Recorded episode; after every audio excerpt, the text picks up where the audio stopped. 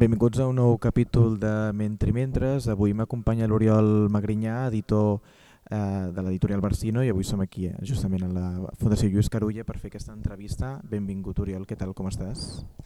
Bon dia, Bernat, benvingut. Eh, molt bé, i molt content de ser aquí i agrair-te l'oportunitat de poder explicar una mica el nostre projecte i conversar el temps que calgui amb, amb vosaltres, perquè és el que ens agrada, eh? parlar, parlar de llibres i parlar de, de l'editorial.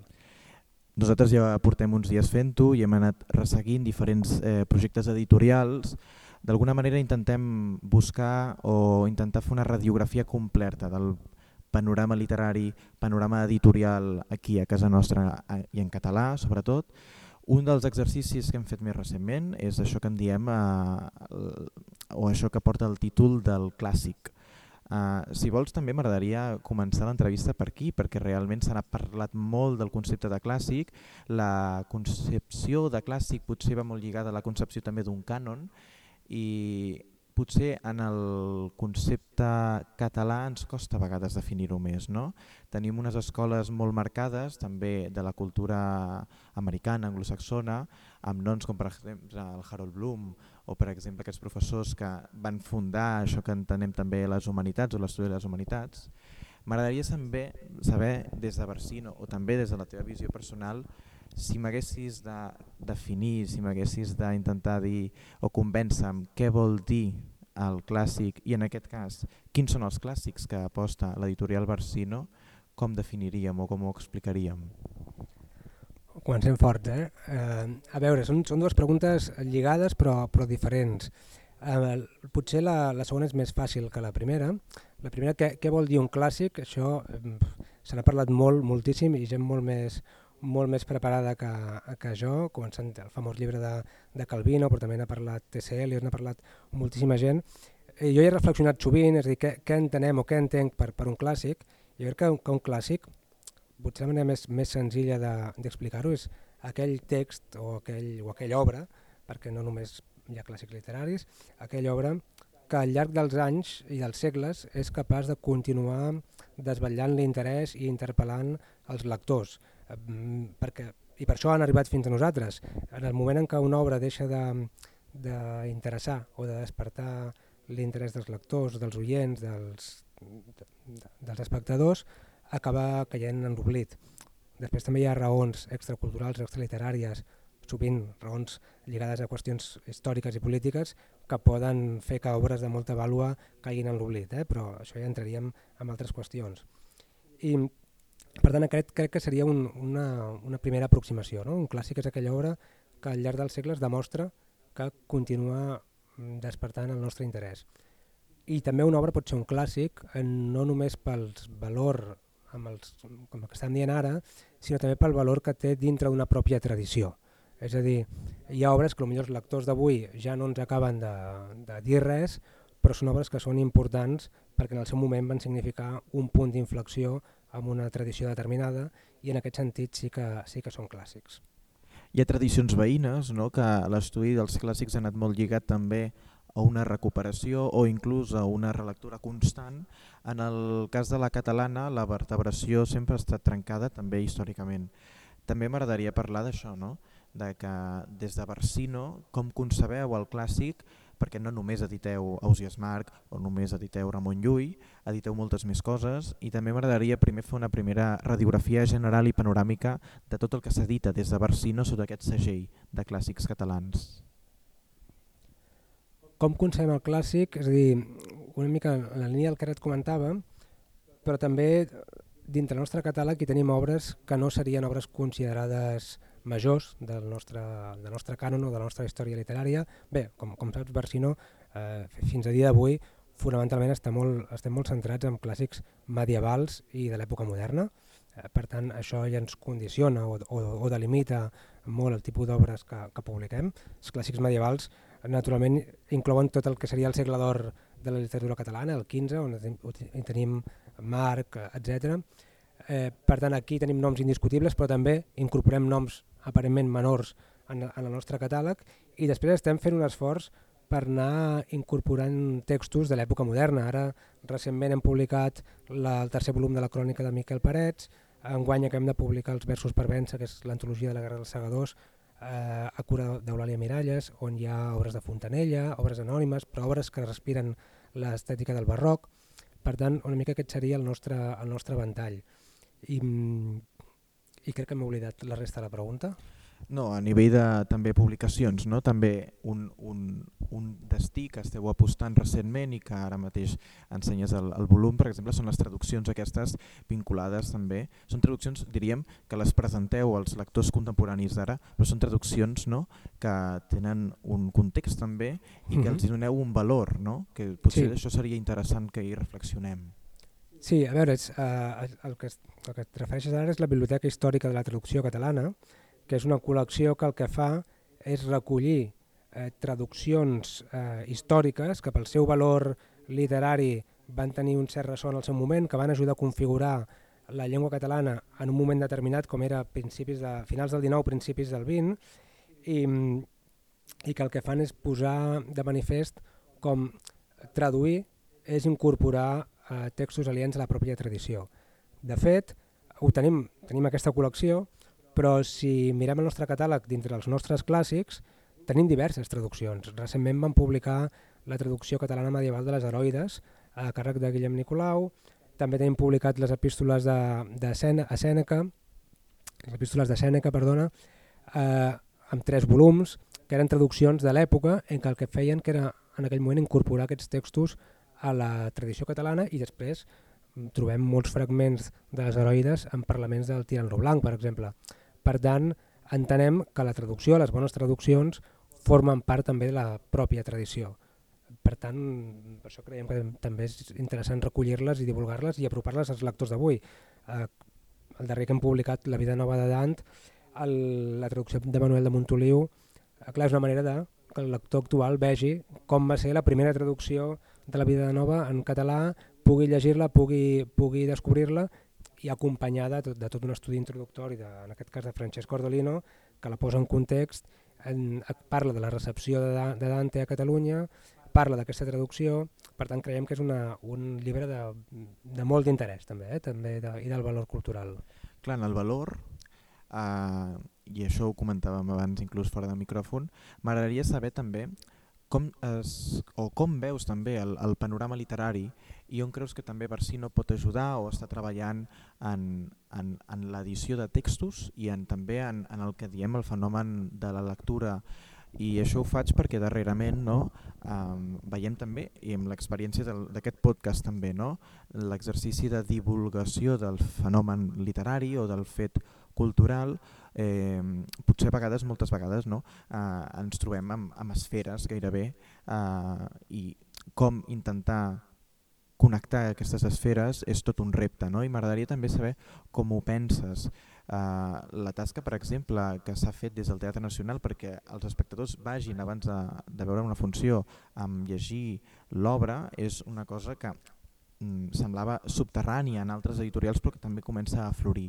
No sé també com, com veus no, aquesta experiència i com es pot treballar des de l'edició de textos i en aquest cas l'edició de textos eh, que en diem clàssics catalans. Com, com és possible o des d'on es pot fer?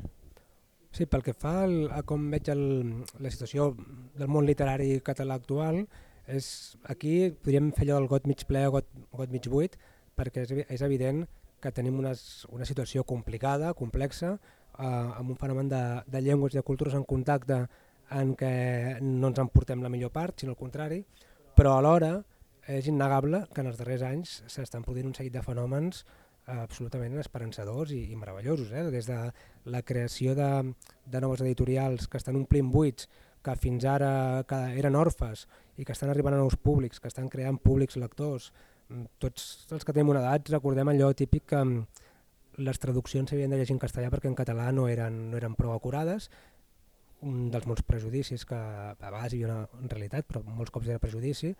Això s'ha anat trencant gràcies a una gran feina d'una fornada de traductors esplèndida i d'editorials que han apostat per donar-los visibilitats.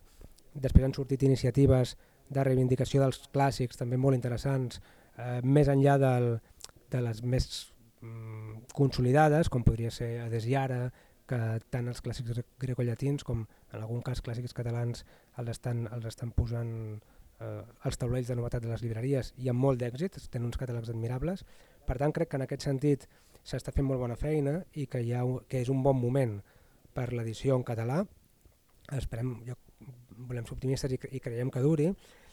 I, i des de Barsino eh, no podem ser aliens a tot això i de fet volem contribuir a, a, a impulsar-ho. No? I una mica fruit d'una reflexió que hem estat fent durant, durant aquests darrers anys, jo fa, tot just fa dos anys que em vaig incorporar a la direcció de l'editorial, hem, hem vist que tenim l'oportunitat i en certa manera tenim la responsabilitat de mm, posar encara més en valor la importància de, dels nostres clàssics perquè és veritat que a vegades costa d'arribar al lector, costa de, eh, hi ha una llau de novetats tan grans que jo entenc perfectament que el llibreter que ha de pagar un lloguer, que ha de pagar uns costos fixos, doncs abans prioritzarà un llibre que sap que, que sortirà als mitjans, que se'n parlarà, eh, que no pas un, un clàssic que millor entén que pot tenir menys sortida, però crec que és important que aquests clàssics hi siguin, crec que és important que aquests clàssics eh, arribin a nous públics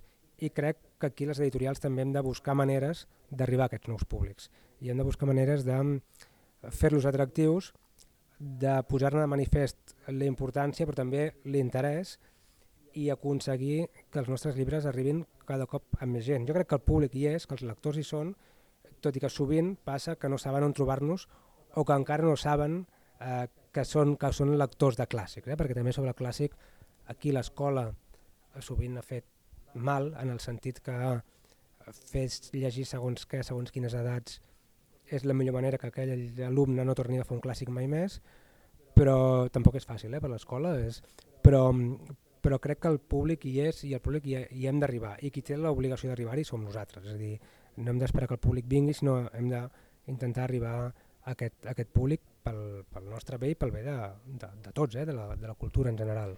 Ara m'has obert molts fronts i, i crec que tots són massa interessants i no voldria abandonar-los. Un, i eh, és per on has acabat, és per aquest compromís per l'edició. També m'agradaria, si ens pots explicar, no? la tasca editorial, però en concret la tasca filològica o la tasca de presentar aquests textos i des d'on es fa i com es pot plantejar. Doncs mira, eh, nosaltres partim sempre de la, de la ferma convicció i de la creença que tenim una gran responsabilitat cap al lector. És a dir, per tant, hem de posar tots els nostres esforços eh, econòmics i humans i materials per oferir les millors edicions possibles. Això vol dir moltes coses, eh? perquè també depèn molt del tipus de col·lecció que tinguem entre mans. Nosaltres tenim diverses col·leccions, tenim des dels nostres clàssics, que és la col·lecció històrica, que aviat farà 100 anys, que eh, fonamentalment el que fa és publicar edicions crítiques dels textos, edicions crítiques eh, simplificant molt, perquè eh, tenim poc temps, seria d'aquells textos medievals fonamentalment o moderns en què hi ha diverses versions manuscrites que han anat eh, sofrint variacions al llarg del temps, establir quina és la que va escriure realment o la que creiem que va escriure realment l'autor i per tant és el text base que es diria, per tant edicions crítiques que ens asseguren que allò que estem publicant és el que creiem amb més certesa possible que és el que va escriure Osias Marc, per entendre'ns.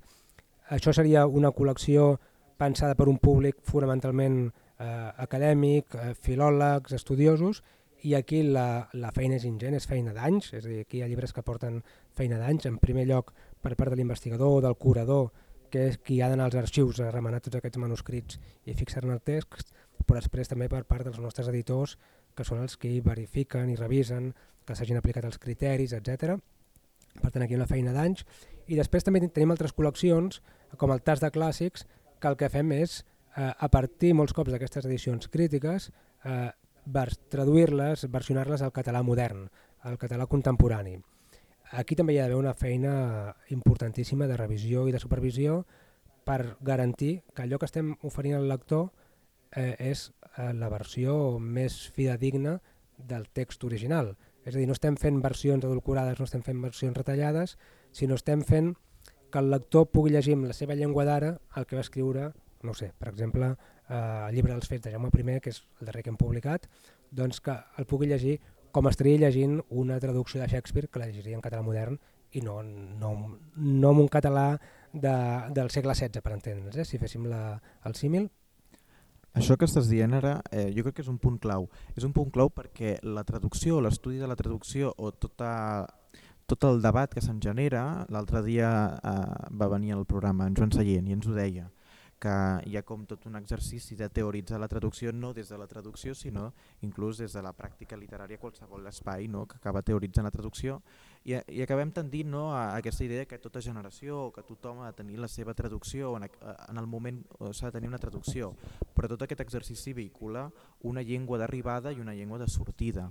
En el cas de, de presentar els clàssics quan hi ha una tradició no tan vertebrada i quan en un context de de tantes preguntes que ens fem sobre el llenguatge i sobre la nostra llengua, eh, crec que el, el que acabes d'assenyalar també és molt important, no? de, de que ens hem de fer amb totes les eines de tenir constància i poder fer arribar i contemporaneïtzar elements que potser eh, d'altra banda no, no se'ns podrien fer aliens. No? I aquesta idea de que hi hagi des de la contemporaneïtat una actualització pel llenguatge sigui una porta d'entrada, no? no sé si també estàs d'acord amb mi, que ha de ser, o l'intent és fer una porta d'entrada a la lectura del text, que evidentment eh, ens fa viatjar pel que fa a nivell d'edició de textos, però també de llenguatge, a un present o un jo que no, no està escrit per mi, no? que està escrit per una persona fa 400 anys.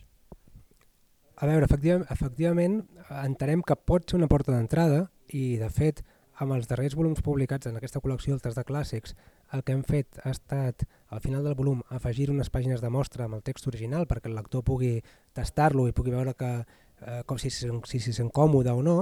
Per tant, eh, efectivament pot fer aquesta funció de porta d'entrada i si, si el fa estarem encantats, és a dir, si gràcies a, haver llegit el Curiale Huelfa, que el tenim íntegre, traduït al, al català modern, algú diu, doncs jo ara vull saber com sonava i se'n va buscar l'edició en català antic, que també la tenim eh, en el nostre catàleg, estarem encantats, però si no passa això tampoc passa res. És a dir, els clàssics també vertebren l'imaginari col·lectiu d'una societat i per tant, eh, des del meu punt de vista, i això és una opinió molt personal, eh, però des del meu punt de vista, si gràcies a l'actualització d'aquests clàssics, sigui el Curial, sigui l'Osomni, que també el tenim en català actual, arribem a lectors que d'altra manera no hi haurien arribat, eh, l'èxit ja, ja, és, ja és rotund. És a dir, si després van a buscar el text original, fantàstic.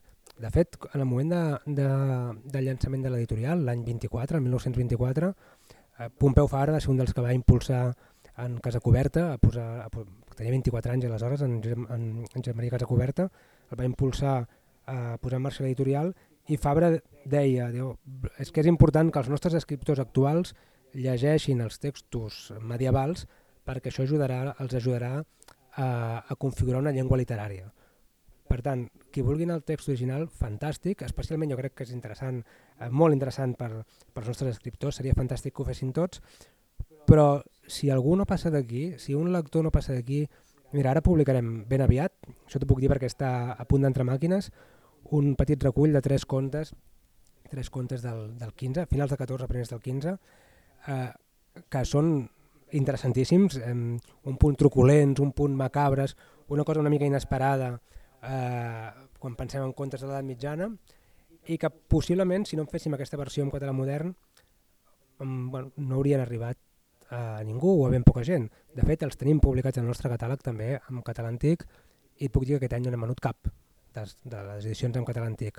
Però jo estic segur que quan publiquem aquesta nova edició en català actual, els, que és La filla del rei d'Hongria i altres contes truculents de l'edat mitjana, t'avanço el títol, doncs que això és, són contes divertits, interessants, eh, ja et dic, amb un punt tarantinesc, si m'ho permets, tenen escenes una mica gore, això no ho posarem per escrit a la coberta, però t'ho dic així una mica gore, que, que crec que, que, bé, que faran passar bones estones. I si, partir, si això es queda aquí i, i ningú va buscar el text original, doncs no passa res.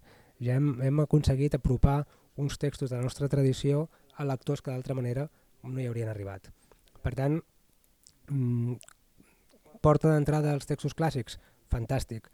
Què és punt d'arribada? Fantàstic també. Estem fent arribar els nostres clàssics, la nostra tradició, a lectors que potser no hi haurien arribat d'altra manera. Avui estem parlant amb l'Oriol Magrinyà, estem aquí a la Fundació Carulla per parlar del projecte editorial Barsino, ja haurem d'anar concloent aquesta entrevista. Uh, D'una de les reflexions que ens enduem d'aquesta entrevista també és el panorama literari fins a quin punt també eh, acaba creant un, una fragmentació o que com a mínim la recuperació de certes personalitats eh, queda en mans d'un esquema que gairebé intenta eh, recuperar tot però que tot és massa feina i que en aquest sentit tothom fa una tasca de formigueta no? i que en aquest sentit eh, eh, Barsino fa la seva feina i ens estava explicant eh, el present de Barsino i les col·leccions de Barsino que podem eh, adquirir i que podem eh, trobar a les llibreries, però també m'agradaria preguntar per anar concloent de cara al futur, perquè de cara al futur, eh, com sempre, no, el, els reptes són gegants i pensant també no, que tot present és una cruïlla entre passat i futur, m'agradaria saber també cap a quins reptes us encareu o també pensar fins a quin punt quines fronteres l'editorial ha de superar o ha de considerar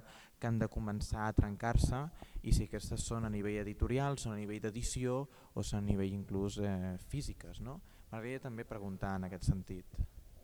Doncs mira, començo pel final. Fronteres físiques, eh, no sé si et refereixes, eh, o jo m'ho agafo per aquí, eh, que efectivament nosaltres ara ja fa temps que estem publicant llibres en format digital, però també començarem a publicar llibres en format audiollibre, per tant volem arribar a públics que d'altra manera no hi arribaríem. Per tant estem, som Barsino, som una editorial de clàssics, tenim gairebé 100 anys, però, però entenem que hem d'estar al dia i hem d'aprofitar totes les innovacions que permetin fer arribar els nostres textos al màxim de, de públic possible. I pel que fa a fronteres temporals, crec que has dit, a veure, nosaltres el que entenem és que el nostre patrimoni, el de Barsino, són els clàssics catalans. Eh, el que volem és que quan es pensi en Barsino es pensi en clàssics catalans i si ja quan es pensés en clàssics catalans es pensés en Barsino ja seria doble bingo. Eh? Igual com quan penses en clàssics espanyols pots pensar en càtedra, pots pensar en Castàlia o en crítica. Eh, no ha de ser només en una, eh? però, però voldríem que, que es pensés en Barsino. Eh, però entenem que no és el mateix els clàssics catalans l'any 1924, quan Casa Coberta funda l'editorial, en què hi havia escriptors jovenets eh, que ja començaven a despuntar, però que ara ja són autèntics clàssics. Per tant, tot aquest patrimoni entenem que també forma part o ha de formar part del ventall de Barsino. Vull dir això que si fins ara hem estat molt enfocats, pràcticament exclusivament enfocats als textos medievals i moderns, amb l'excepció de Verdaguer, que teníem una col·lecció dedicada a Verdaguer. Mm, això no és una norma que s'hagi de mantenir així i de fet estem valorant i estem treballant en la línia de també obrir-nos a, aquest ventall temporal una mica més una mica més ampli. La qüestió és que siguin textos indiscutiblement clàssics, ja sigui entès amb la seva importància, el que dèiem al principi, perquè interpel·len els lectors actuals, o ja siguin entès clàssics perquè en el seu moment van significar un punt d'inflexió amb la tradició, amb la nostra tradició. Doncs Oriol Magrilla, moltíssimes gràcies per haver atès els micròfons de Mentre Mentres.